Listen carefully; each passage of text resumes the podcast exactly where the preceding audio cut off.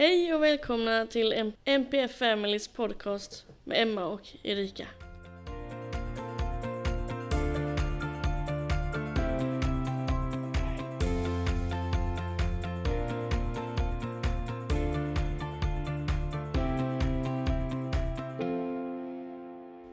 Nu är vi här igen. Nu är vi här igen ja. Ja. Underbart är det. Vi har precis köttat på med ett avsnitt och nu köttar vi på med ett till avsnitt. Korrekt. Korrekt.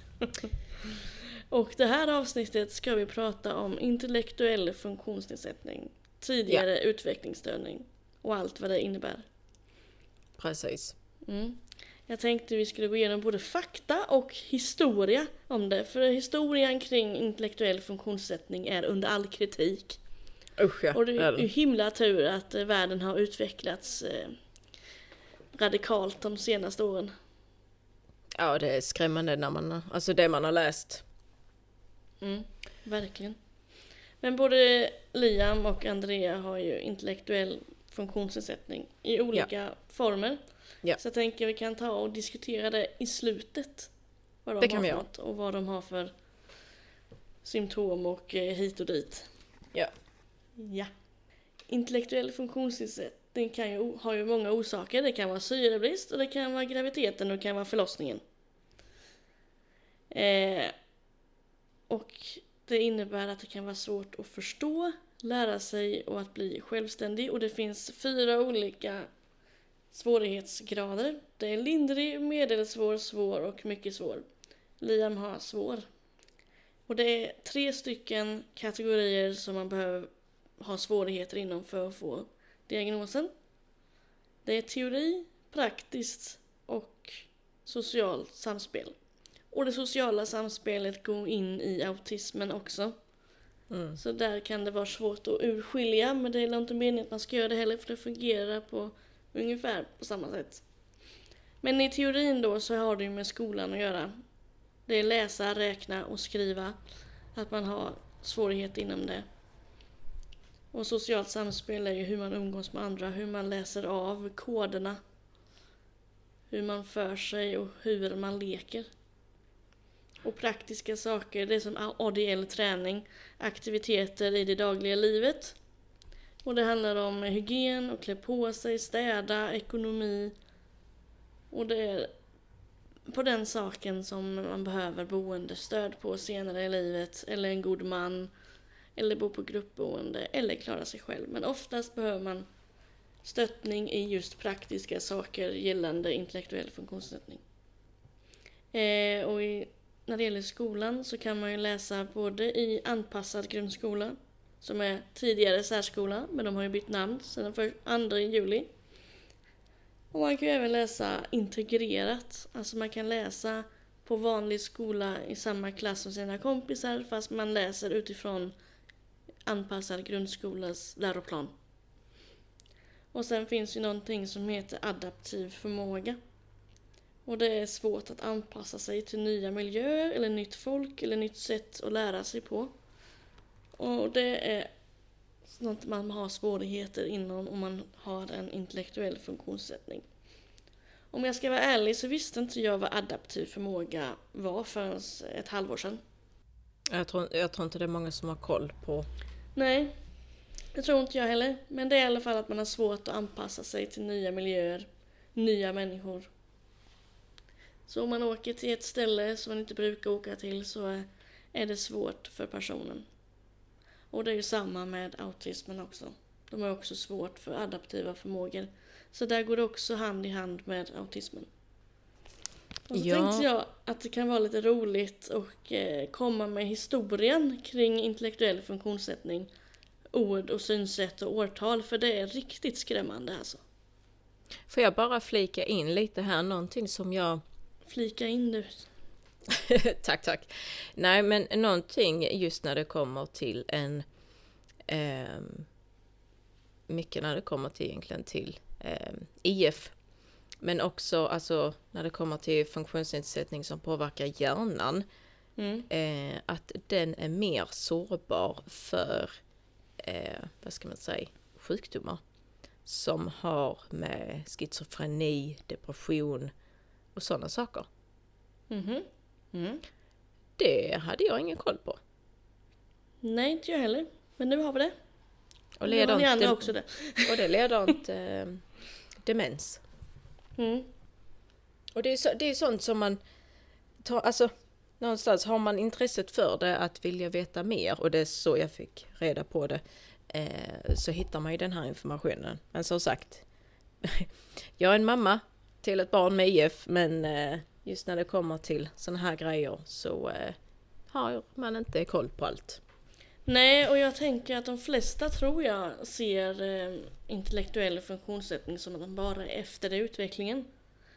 Men det är ju så mycket mer än så. Ja.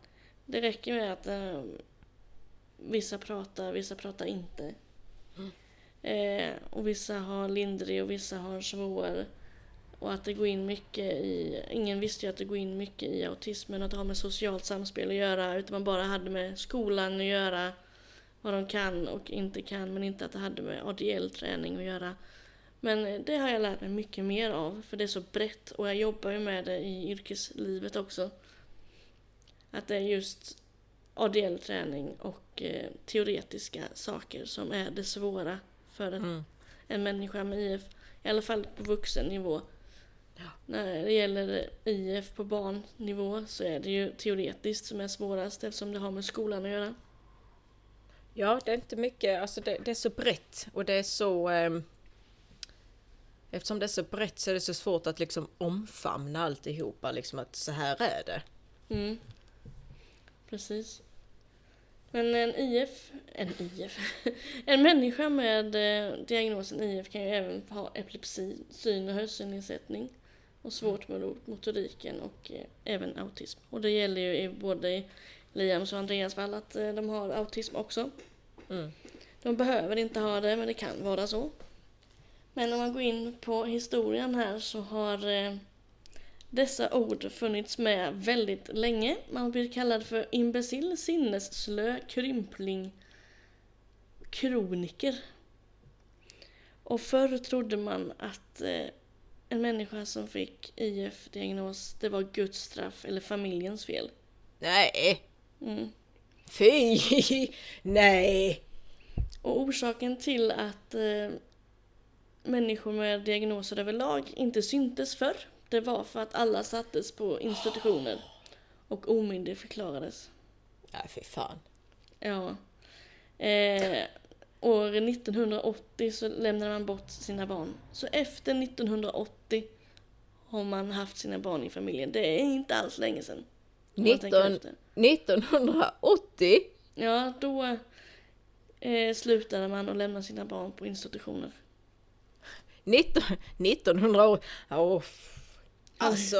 Fruktansvärt. eh, det är ju typ igår. Men Ja. va? Ja, när jag läste det här och bara gick in och bara, men herregud, vi måste ha med det här i ett poddavsnitt alltså. Men sen- nej! Alltså, aj, jag, jag kände bara, oh, eh, vilken, eh, det här triggar igång mig något så fruktansvärt. Eh, för att jag, jag har vetat om eh, alltså IF, eh, intellektuell funktionsnedsättning, eller som man sa förr också, förståndshandikappad. Mm. Historien är väldigt mörk, den är väldigt skrämmande och för mig som, eh, alltså som förälder som har ett barn med IF, eh, det triggar lite extra. Alltså ni- 1980, Ja, det är ju himla tur att vi, vi har kommit längre än så, att vi inte har behövt lämna bort våra barn. ja men lägg av, nej, Ni- 1980? Mm. och eh, 1999, då kom diskrimineringslagen.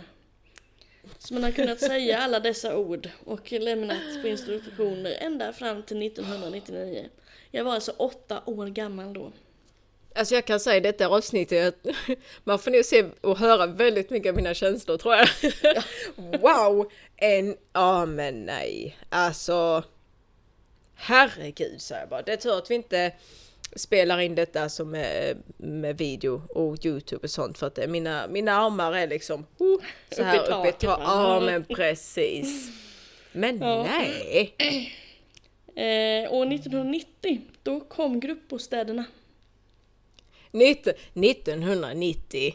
Mm, då började man att tänka efter. Då kanske det behövs gruppbostäder då alltså. Mm. Men vad fan, ursäkta nu Sverige också, men Sverige? Alltså Mm. hallå? alltså, wow! Mm. Nej! Eh, och här kommer lite lägre årtal. Ja, ja, ska jag bli Eh. lika arg nu eller? nej, nej det, är inte, det är inte lika farligt. ja, fortsätt. Eh, allmän folkskola kom till 1842. Och eh, skolplikten kom till 1882. Eh, döva barn fick skolplikt 1889. Så i sju år så hade döva barn ingen skolplikt då. Utöver allmänheten.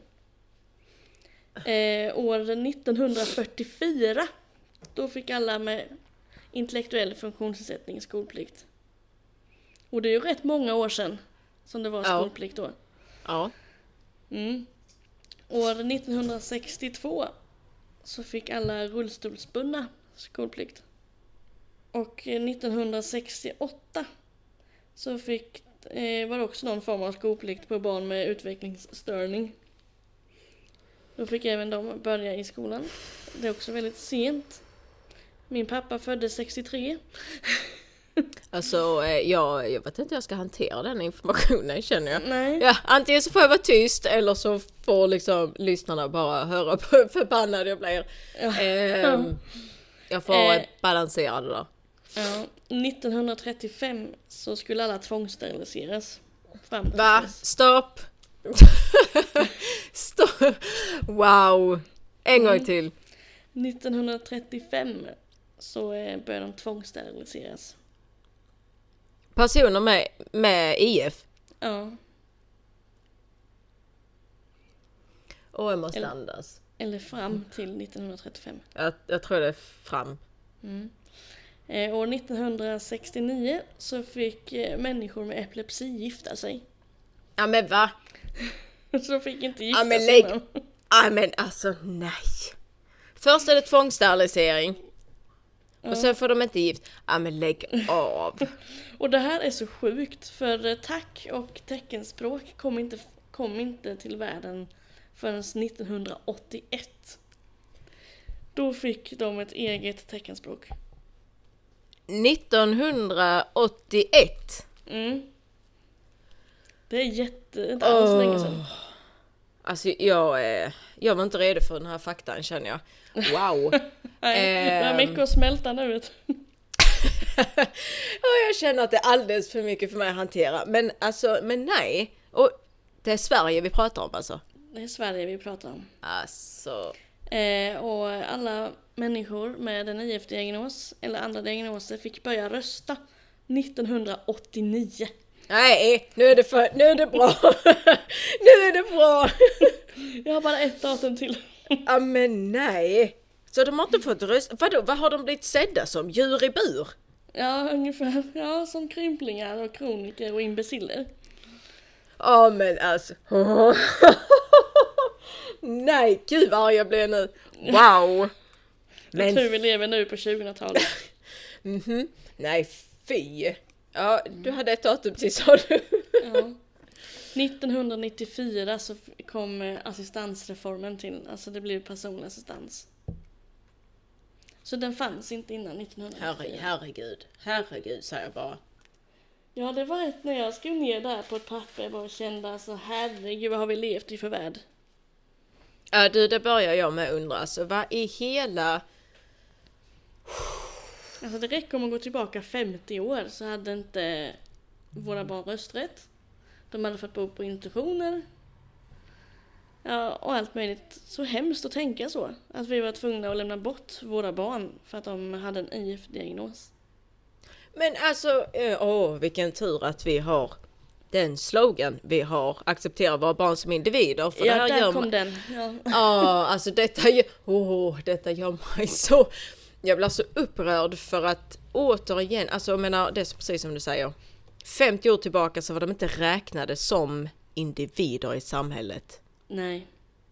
Och därför folk pratar om i skolan. Förr var det ju inte så. Förr hade man ju inte så många diagnoser. Nej, det Nej. syntes inte i samhället. Nej, de blev bortplockade ifrån födsel, de sattes på institution långt ut i skogen. Du existerar inte, du finns inte.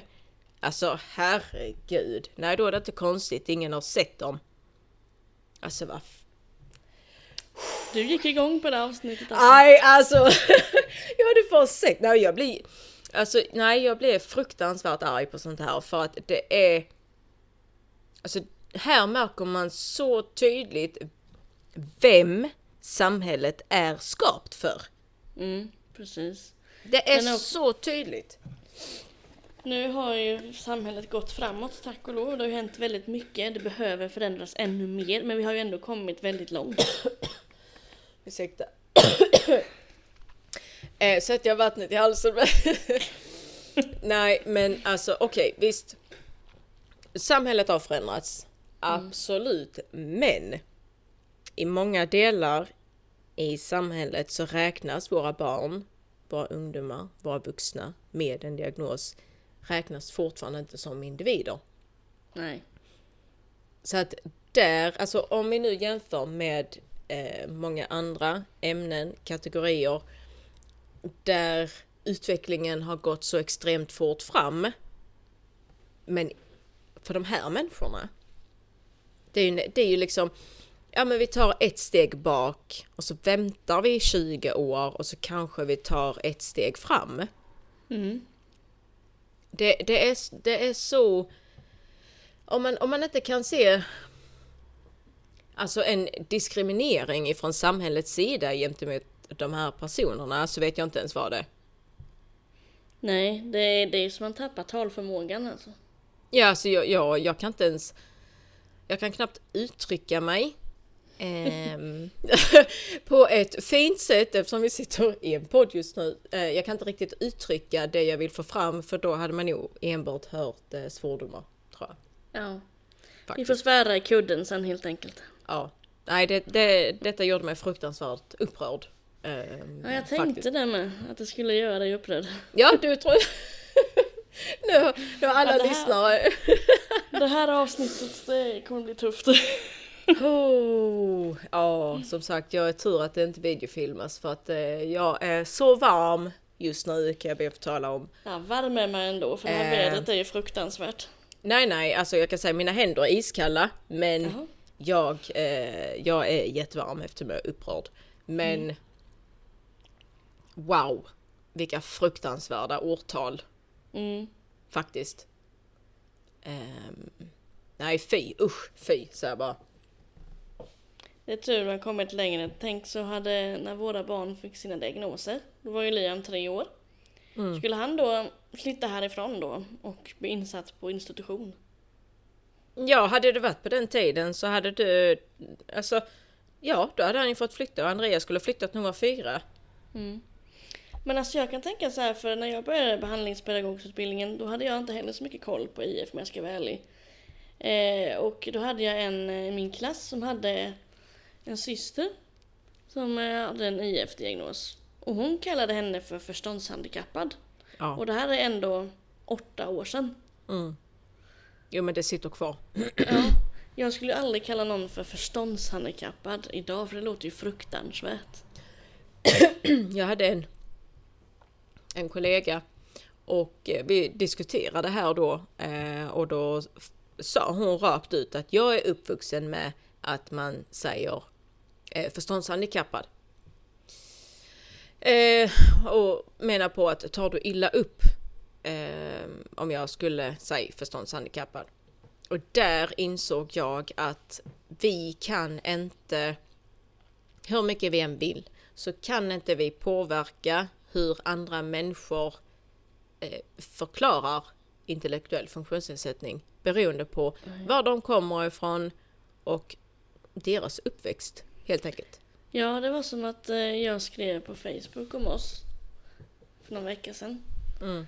Eh, och man får som svar tillbaka, bara, ni kan inte driva det här för ni kan inte de exakta termerna. Ert språk har ett bruk som inte är gångbart i det här samhället. Ja, herregud ja. Okej. Ja. Åh men ja. Men Men i andra sidan så är jag fortfarande dagis till förskola. Ja men precis. Fast Alltså- jag säger mer förskola nu för tiden än vad jag gjorde förr. För jag börjar tänka så när en kommenterade på TikTok en gång. Du vill att alla andra ska säga korrekta termer om intellektuell funktionssättning men du säger fortfarande dagis. Jag bara, där har du en poäng. Jo, nu ska så- jag börja säga förskola. Jo men sen är det lite för att jag kan inte och jag ska inte förvänta mig att någon annan kan de termerna jag kan. Mm. Alltså så är det och det kan man inte begära ifrån andra människor. Jag vet om att jag har pratat om detta innan att jag menar där är de som i, alltså, i alla lägen pratar om diagnoser. Mm. De säger inte funktionsnedsättning, de säger inte funktionsvariation etc. De säger diagnos. Mm. Och det är okej, för att det är det de så kallat kan. Mm. Alltså man kan inte kräva av någon annan det man själv säger. Nej, jag eh, har börjat tänka så också nu. Och det är enbart för eh, utbildningssyfte. Om någon Mm. säger att vad har ditt barn för sjukdom? Han har ingen sjukdom, han har en NPF-diagnos, en funktionsvariation och berättar vad det är. Istället för att bli arg. Jag bara, Ja. han har ingen sjukdom. Då är det bättre att lära ut på ett konsekvent sätt. Ja, det vet jag. I början, eh, precis som du säger, jag blev arg eh, när folk frågade. De sa att de tyckte synd om mitt barn, att, att hon eh, hade en sjukdom. Och jag kommer ihåg i början, man tände ju till och menade på att ja, men hon är inte sjuk. Hon har ingen sjukdom. Alltså hon har liksom en, en diagnos Mm. på förenklat språk. Hon är inte sjuk. Och många gånger så, nu är ju Liam inte medveten. Eh, och där skulle jag säga att han är jättelycklig i sin lilla värld. Mm. Än att ett barn som ständigt press, eh, pressas, ständigt har mycket press på sig i skolan. Mm. Eller press på sig på jobbet. De har ju betydligt mycket jobbigare än de Ja. här barnen som är, lever i sin egna bubbla. Jo men det är som Andrea, hon är väldigt, hon är också väldigt lycklig. Jag brukar förklara att hon är väldigt lycklig i sin IF Mm, och hon blir precis. mindre lycklig i sin autism. Mm, För att det ställer till det. Och eftersom Andrea blir mer och mer medveten mm, så blir hon mer begränsad i sitt. mm. Ehm, så att eh, det är precis som du säger. Ehm, alltså vara lycklig i sitt. Det är alla gånger.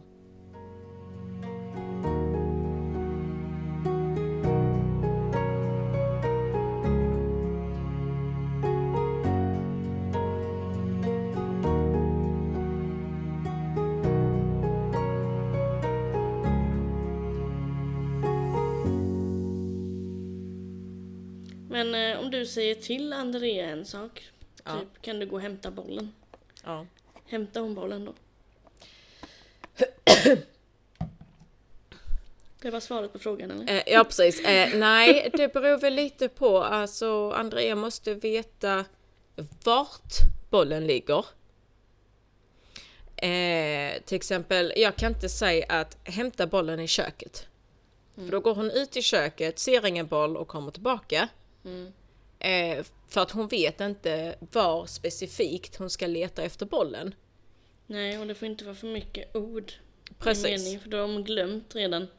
De Exakt. kommer till köket. Jaha, och nu då? Ehm, och många gånger så får jag ju liksom antingen säga att, ehm, att hon, alltså att bollen, man får liksom bryta upp hela, ja, det, det, det är det som är, det är sånt här jag försöker få andra till att förstå att ska hon hämta en sak i, i köket till exempel så tar det, det tar tid för att förmedla och det tar tid för Andrea att bearbeta och hantera informationen för att kunna gå och hämta bollen.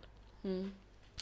Men till exempel när det kommer till hämta mjölk.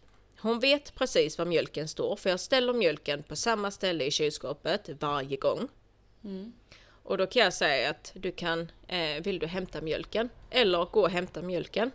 Eller hämta mjölken. Eh, och då vet hon ju att den är i kylskåpet och den står på samma plats. Men skulle det vara till exempel det här med bollen, då hade jag fått vara väldigt specifik med vart bollen ligger. Ligger bollen på eh, på en stol? Ligger den vid eh, kaffet? Alltså väldigt mycket specifika platser. Men jag kan Mm. inte bara säga att, eh, att hon ska gå och hämta bollen i köket. Mm. För då Nej, går hon det- ut i köket, kommer tillbaka, hon tittar inte ens. Eh, och så säger hon att nej, jag hittar inte bollen. Eh, Liam har aldrig kunnat hämta saker som jag bett honom. Även om det varit hur lätt som helst. Och, eh, om han har bollen framför sig en meter, kan ta upp bollen. Då förstår inte han det. Mm. Nej. Men nu eh, på senare tid så har han gjort någon eh, utveckling i sitt liv. Jag vet inte varför. Eller så har vi bara tränat på det Mm. här så länge att det har börjat eh, gå in. Eh, övning i roligt. färdighet. Absolut. Så han förstår ju ja och nej nu. Mm. Och han kan hämta små saker. Om det är väldigt lätt. Om man är väldigt tålamodsfylld. och väldigt specifik. Ja, för det är ju det som krävs också. Det är inte bara det här att... Och små ord är så onödigt i kommunikation med, med de här barnen. Som det här att jag skulle vilja att du går och hämtar. Där är så mycket onödiga ord i den meningen. Ja, precis. Som... Därför, Ja, ja förlåt. tack är ju väldigt bra egentligen. För eh, Mm. där förtydligar man ju bara med två, tre ord. Och det är egentligen de orden man bara behöver säga. Mm. I en vanlig kommunikation med ord. Nej, så att det är ju... Och sen beror det på väldigt mycket hennes sinnesstämning. Eh, hur hon Och mår. det gör det ju alltid. Ehm, Så att det har blivit bättre. Ehm, Detta året har eh, och ända sedan i ja, förra året, augusti, när han började särskolan, eh, så har det ju blivit, blivit enklare så sett. Men sen, sen är det ju många gånger att är jag inte specifik med till exempel om om bollen är blå eller om den är röd. Eh, så alltså det byggs upp väldigt mycket stress hos Mm. henne för att hon vill ju inte eh, misslyckas heller. Nej. Så att där är det ju väldigt... Jag som för förälder får vara väldigt försiktig eh, och även observera hur, hur hon mår i liksom själva uppgiften. Mm. Men Precis. eh, det är, väldigt, det är spännande att se hennes utveckling och det är jätteroligt att se att hon utvecklas. Eh, för man, man, hon blir ju så glad. Hon, hon blir ju så glad att hon kan ta fram mjölken det, själv. det har ju Liam också börjat visa. Att han Mm. blir glad när han klarar av någonting. Liksom leendet är ju från öra till öra. Han studsar Ja. från golv till tak typ. Ja men precis. Eh, ja, eh, han har ju aldrig kopplat grejer så förut. Mm. Men han har ju börjat göra det nu. Det, han har ju alltid kommit in till oss i, till, i sovrummet på morgonen. Antingen med ett brödpaket eller en, någonting att dricka. Mm. Men vi måste ju ändå stiga upp för han har ju glömt ett glas eller någonting annat. Men nu kommer han ju faktiskt in med både glas och det han vill ha. Ja. Så man slipper gå ur sängen. för att han bara hämtar en del av det. Men nu hämtar han ju faktiskt allt och har kopplat samman det. Att man dricker när man ska dricka. Eller har ett glas när man ska dricka och man ska ha hämta det man ska dricka. Han kan ju till och med öppna kranen nu och sätta på vattnet själv. Bara sådana grejer som han bara vägrade göra själv innan. Mm. Och det, det underlättar så mycket. För det har varit sådana saker som eh, som har tagit väldigt mycket tid Mm. och energi. Men nu gör han det själv. Eh, på sitt egna sätt. Liksom. Jo men det är så roligt att se att just det här att de vill bli självständiga, de tränar i sin takt på sina sätt. Mm. Och lyckan när de lyckas med det, det är, det är obeskrivligt. Ja, typ skulle jag säga till någon, åh, Liam satte, satte igång kranen helt själv idag. Ja. Okej. Min Ja, men- dotter knäckte läskoden. ja, precis. Det Ja. är din glädje. Min glädje är att eh, det lilla steget blir ett stort steg. Där han blir Mm. mer självständig. Vi behöver hjälpa till mindre. Det är så gulligt. Och eh, man märker ju att Malte och Liam är på exakt samma nivå just nu. Mm. Eh, Malte pratar ju mer och, och är ju mer med då naturligtvis. Eh, han eh, har inga tendenser till någon diagnos än så länge. Eh, och han har ju börjat se upp till Liam. Mm. Och Liam har börjat vara med honom, vilket aldrig har sett innan. Jag tror det var förra helgen eller förra, förra helgen som vi var hos min pappa, jag kommer inte ihåg. Eh, och han har ju en sån här jeep, en liten bil som man kan åka med när man är liten. Som man Mm. kan köra själv. Eh, Malte körde den och Liam hoppade i och satte sig bredvid. Det skulle han aldrig göra innan. Åh, vad roligt. Och var skitglad och de sitter i soffan tillsammans och myser. Och de leker med varandra för att Malte vill gärna ta kontakt med, med honom. Mm. Så de är, är jättesöta ihop. Och man kan ju faktiskt se att de kan ju faktiskt kommunicera med varandra ändå. Även om de inte använder ord. Ja, men det är klart, det märker jag ju mellan mina med. Mm. Det, de kommunicerar på ett helt annat sätt. Och har alltid gjort. Mm. Det är häftigt. Och sen är det påklädningen också. Han har ju verkligen utvecklats i. Vi har ju alltid fått hjälpa han med allt och han har vägrat göra det själv. Mm. För mig har det bara gått på rutin att göra det. Jag tänker inte så mycket på det. Men eh, nu gör han det själv. Han kan liksom ta av sig blöjan själv. Han lägger blöjan i blöjhinken. Mm. Sen kommer han ju hämta kläderna också för man kan ju inte vara naken. Det går inte. I en sekund. Kläderna måste vara där jämt. Ja. Och han har ju kunnat, han har haft shots på sig i två dagar. Även om vi har haft, eh, inte haft shots på länge så det inte har varit väder för det. Men nu är det ju verkligen väder för det. Så den övergången har ju varit väldigt bra. Och även med bildförståelse. Men vi har ju Mm. verkligen trälat med det här så länge, i flera, flera år. Och alla bilder har ju aldrig fungerat, han har aldrig velat ta till sig det. Eller så har han tagit till sig det och lärt sig det nu. Mm. Vi har ju tagit fram det då och då, vi har inte haft bilder jämt för det orkar man ju inte till slut. Vi har ju tagit fram det i omgångar och nu har vi det hela tiden. För han vill ju använda det.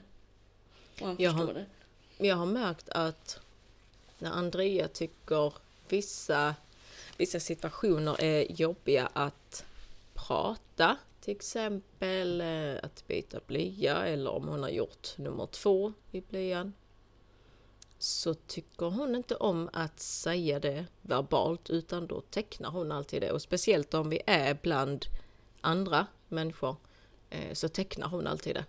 Men det är ju jättesmart. Och det, där ser man ju verkligen, för Andrea har ju alltid, alltid tagit till sig tack, eh, inte bilder. Det har varit svårare att få henne till att förstå bilder, men tack har alltid varit hennes eh, sätt att kommunicera och även när hon är för trött, eh, när det har varit för mycket i skolan och, och så, så har hon inte hon orkar helt enkelt inte försöka kommunicera verbalt, det har hon med alltid tecknat. Och just det här att se nu att men jag tror också det är den här utvecklingen i medvetenheten som gör att ja, men, man, någonstans, så förstår jag ju att hon inte vill säga rakt ut att ah, jag har gjort nummer två. Mm. Så att där, då har hon ju verkligen medvetenheten om det. ja. Eh, och då liksom tecknar hon eh, istället. Så att hon har med utvecklats eh, och utvecklas hela tiden och jag tycker det är så roligt att se. Mm. Nej men det känns som både Liam och Andrea har utvecklats väldigt mycket i sommar framförallt. Mm. Men eh, även över tid, att man har tränat så länge och nu börjar det ge med sig. Mm. Liam har ju förstått tecken från start direkt. Men aldrig tecknat själv, men börjat göra det nu. Och han är ju skitglad när han tecknar. Ja. Men bara, ja äntligen kan det lossna. Även om eh, det inte skulle göra det skulle jag fortsätta att teckna ändå. Och fortsätta med bilder ändå. Man kan även... Ja, ibland blir det för mycket av det här. För ibland mm. Hub och upp bara slänger den information. Du ska lära dig det och det och det och det. De ska kunna det.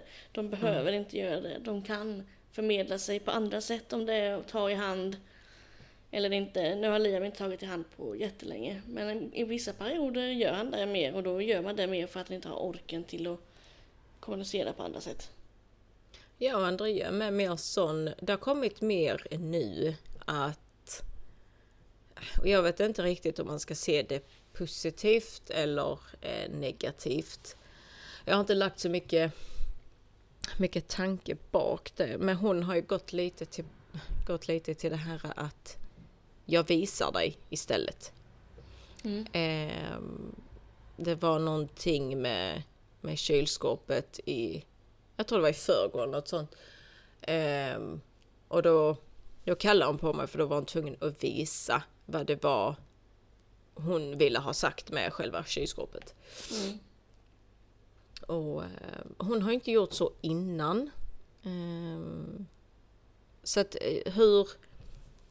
Jag är lite så hur man ska tolka det om det är för att hennes, hennes sätt att kommunicera eh, inte räcker till.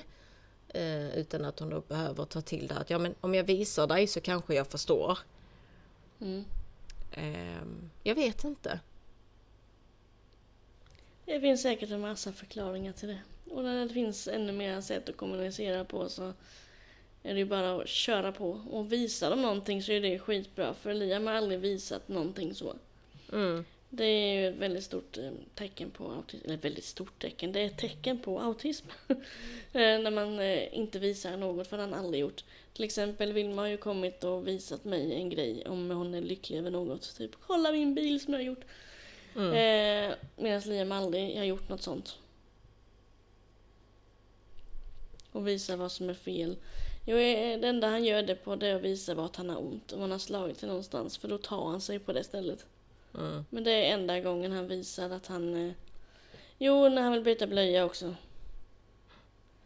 Både om han gjort nummer ett eller nummer två, då visar han också det. Men annars har han aldrig visat något så.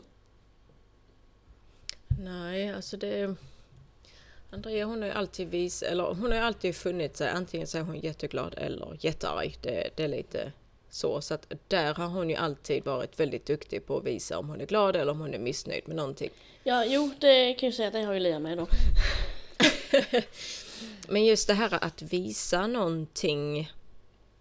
Ja men som det här precis som att kommunikationen då inte räckte till. Att hon var tvungen att ta mig till kylskåpet och liksom för att ja på något sätt eh, liksom få ordning på kommunikationen. Jag vet faktiskt inte men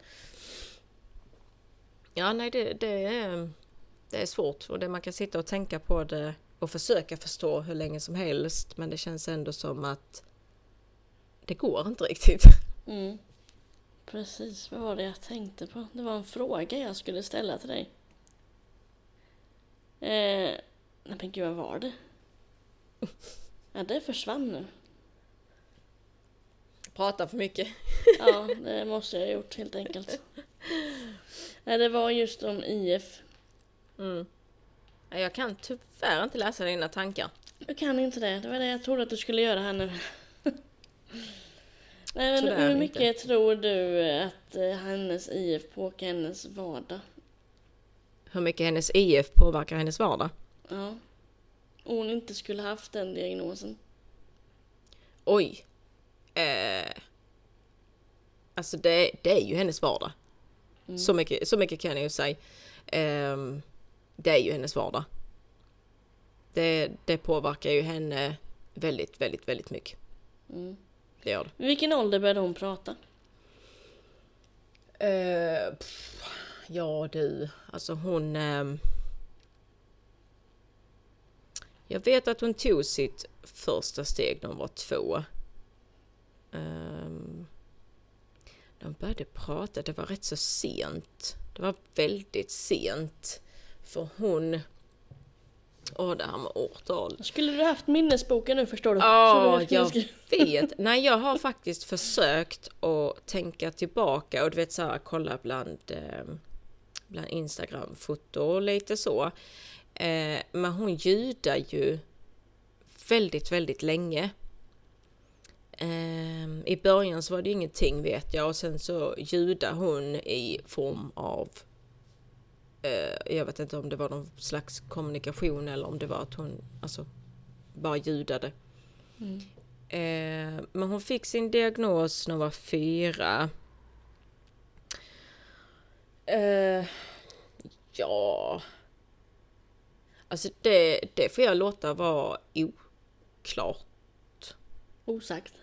Ja, alltså, ja, för det är fruktansvärt oklart i mitt huvud nu ska jag säga dig. Får ta Ehm, reda på det till nästa gång. ja.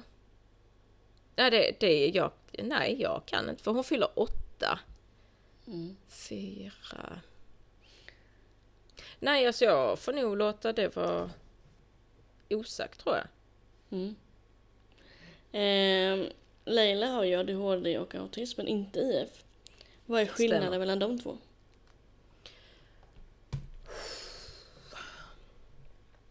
Väldigt, väldigt mycket på, alltså, på alla nivåer och områden. Mm. Ehm, Andrea har ju inte en medvetenhet. Leila har extremt mycket medvetenhet. Eh, upprepar eh, flertal gånger i veckan att hon känner sig annorlunda. Eh, hon har medvetenheten om att hon fungerar annorlunda. Eh, sen är det ju samma där hon förstår inte sociala samspel eller sociala koder. Eh, Det gör hon inte. Tids, tidsperspektiv är helt, helt borta. Mm. Eh, alltså där, ja, där är jätte, jättestora skillnader måste jag säga. Det är som... ehm, men sen har ju Leila har ju väldigt mycket eh, ångest. Mm. Och det tycker jag är jättehemskt. Alltså en tioårig Ja. flicka ska ha ångest. Ja, eh, och hennes jag vill inte gå till skolan, det blir kraftigare och kraftigare påverkan på henne eh, och mer ångest ju äldre hon blir. Men alltså den största skillnaden som påverkar deras liv, det är att Lela är medveten och Andrea är inte medveten på samma sätt. Mm. Ja, det kan jag hålla med om där. Att det är, det är nog medvetenheten som Mm. eh, är för eh, oftast så är ju IF eh, väldigt lyckligt. Precis. Alla, alla människor är så lyckliga i sin IF. Men de är, de är där de är och de bryr sig inte om omvärlden. Nej, det är lite mer det här nuet på något Mm, vis. Liksom precis. att det går inte riktigt att... Eh, ja, nej men det, ja, jag kan nog eh, medvetenheten. Mm. Det måste nog vara det som... Och det är svårast för mig också som förälder att se. Till exempel då Leila som har den här medvetenheten och kan, kan säga jag är annorlunda. Jag vill inte vara annorlunda. Mm. Det är jättejobbigt.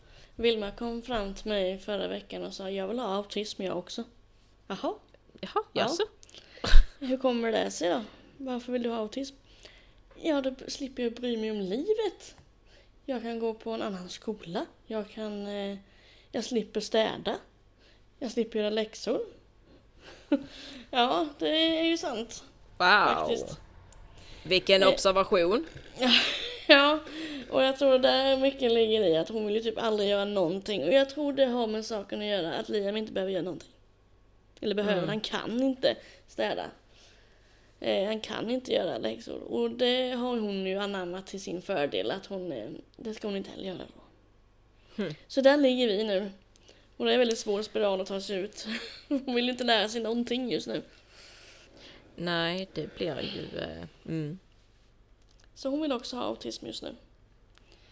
Se om hon... Ja. Mm. eh, ja. Ja, hur, hur bemöter man det liksom? Ja, jag sa bara, ja, jag bara frågar varför. Mm. Eh, ja, hon har ju sagt de grejerna som jag sa, så jag sen har vi inte sagt någonting mer. Hmm. Mm. Ja, det är inte lätt att... det är väldigt svårt att bemöta dem, precis det, det som du säger, det här med att ja men Liam behöver inte göra någonting. Och det, det, det har jag märkt här hemma med att eh, lilla syster får så mycket stöd i allt och så. Ehm, Och det, det kan göra storasyster fruktansvärt upprörd kan jag säga. Ja, och det sjuka är ju att eh, när jag säger att Liam ska på kortis, då jag trodde jag ju att Vilma skulle uppskatta att vara självmords, men hon vill också på kortis. Mm. Hon vill också eh, vara borta från familjen. så jag bara, jaha, kanske ska jag byta då? Eh, Så det vill hon göra med. För hon tycker det verkar kul. För då får hon träffa andra och hon får göra andra grejer och andras uppmärksamhet. Hm. Mm. Jag tror de tänker väldigt mycket. Mm, Ja, de tänker nog väldigt mycket. Men det var ju skönt att det här avsnittet började så kaotiskt och känslofyllt till bara lite mer lugn. Ja, jag kände med det. Eh, Men för att återkoppla lite till det andra Andrea började prata. eh, Vad är det nu? Det är 2023. Jag tror det var runt 2020 som hon För det är så svårt att räkna för eh, när det är pandemin så försvann typ tidsperspektivet från det. Ja, det gjorde ju det. Jag vet knappt vad jag gjorde under den tiden. Om man Nej, ens gjorde någonting. ja, jag jobbade, jag jobbade och slet som ett... Eh, ja, gud. Eh, det var det enda jag gjorde. Jag, Jag jag, var jag, jag, har nog aldrig gråtit så mycket på en arbetsplats som jag gjorde under eh, covid. Men, eh, så att jag vet vad jag gjorde. Men, eh, nej men alltså runt där 2020 kanske hon började. Det, Mm. det är jättesvårt. Eh, ja, men någonstans där i alla fall. Ja, ska vi ta och eh, runda av Det får vi göra. det här Eh, blandade känsloavsnittet? Ja, men, ja, men gud, man kan ju inte, kan ju inte sitta tyst när det gäller såna här grejer, känner jag. Nej, alltså det var väldigt kul att ha med ändå. För att veta hur hemsk världen har varit. Hur hemskt Sverige har varit. Det, Ja. det ska ju tilläggas Mm. liksom. Usch ja. Jag får Nej. ta och kolla upp hur världen har omfattat det här innan. Mm. Usch. Eh, ja, där är många länder som inte har kommit lika långt som Sverige. Så att eh, Sverige är på god väg, men det behöver utvecklas ännu mer för de här barnen. Ja. Men får hoppas att ni tyckte det var ett kul avsnitt med lite historia inblandat, lite allvar och lite skratt och eh, lugn och eh, andra diskussioner. Precis. Man vet aldrig vart ett poddavsnitt bär en. Det är det som är så roligt. Nej men så är det och eh, jag trodde inte jag skulle reagera så starkt som jag faktiskt gjorde och ehm, ja, detta kommer att sitta i mina tankar en tid framöver, det kan jag erkänna. Mm. Då ber jag om ursäkt. Jag rörde till hjärnan på det. Nej, det är ingen fara. Man har ju haft det i baktanken, men som sagt, när det blir lite mer svart på vitt och man är, man är mamma till ett av de, alltså, de här barnen så Mm. Det sätter sig lite annorlunda. Det gör ju det. Men eh, ni får helt enkelt eh, ta och lyssna igenom det här med öppet sinne. ni som Ja. lyssnar på det här. Så får ni ha det så bra tills vi hörs nästa gång. Tack så jättemycket för att ni lyssnade och vi ses i nästa avsnitt. Ha det bra, puss hej. Hej!